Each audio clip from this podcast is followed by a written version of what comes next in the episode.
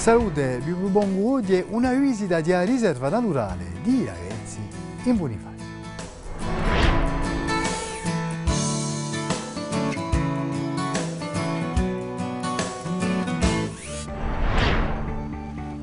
Qual è con conosce Bonifacio, sa città fortificata, arrampicata sa penisola a Binta Calanche? Si sa che tocco il XII secolo Genova pia il possesso di usido di Bonifacio, facile da difendere per fare un presidio da poter controllare il passaggio marittimo tra Corsica e Sardegna. Ma al di là di usido magnifico e di sua storia ricca assai, Bonifacio possiede una delle più belle riserve naturali di un Mediterraneo. Quando lo si pia un battello da Bonifacio in direzione di Santa Teresa di Gallura, troviamo le occhi di Bonifacio.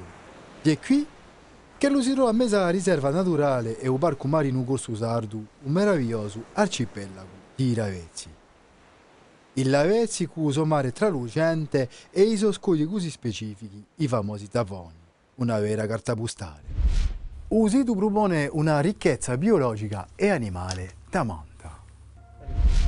L'arcipelago è composto di parecchi isolotti come Cavallo, con face mica parte di riserva naturale, Piana, Puraglia, Spirdutto e di sicuro l'isolotto più importante, Lavezzo. E qui che vi propongo di sbarcare. Nanta Lavezzo si scopre un luogo senza baru in un Mediterraneo, un paradiso per gli animali, per le piante e forse di no, per l'uomo. Nanta l'isola abbia proposto di su da un cammino che vi farà scoprire sul luogo magico. Ora sapecchi a presenza umana nanta su pezzo di terra data di un neolitico. Se vedere a cada state dei suoi testimoni.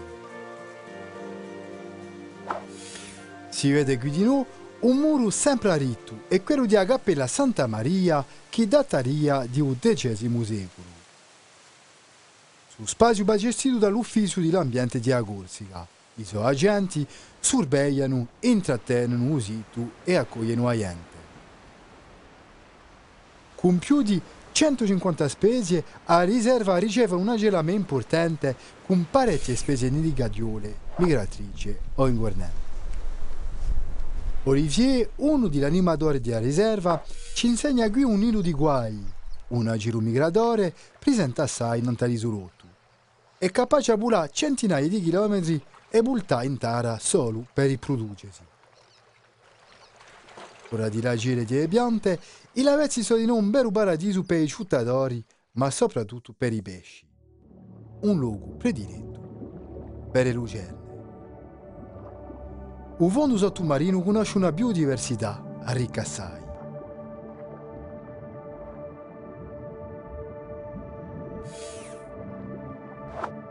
Guardate qui se gorgone magnifiche. Siate attenti e gorgone sosferente di augurare. Qui un capone si spasseggia a mezzo ai scogli. Da nuta di noi a presenza di si bellissimi corvi.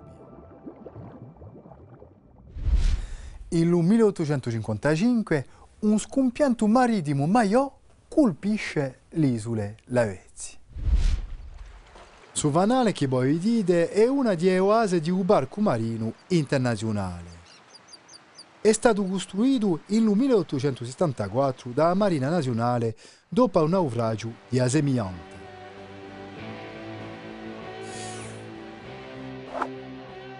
Il 15 di faraggio di 1855 a fregata s'affonda in le ocche di Bonifacio.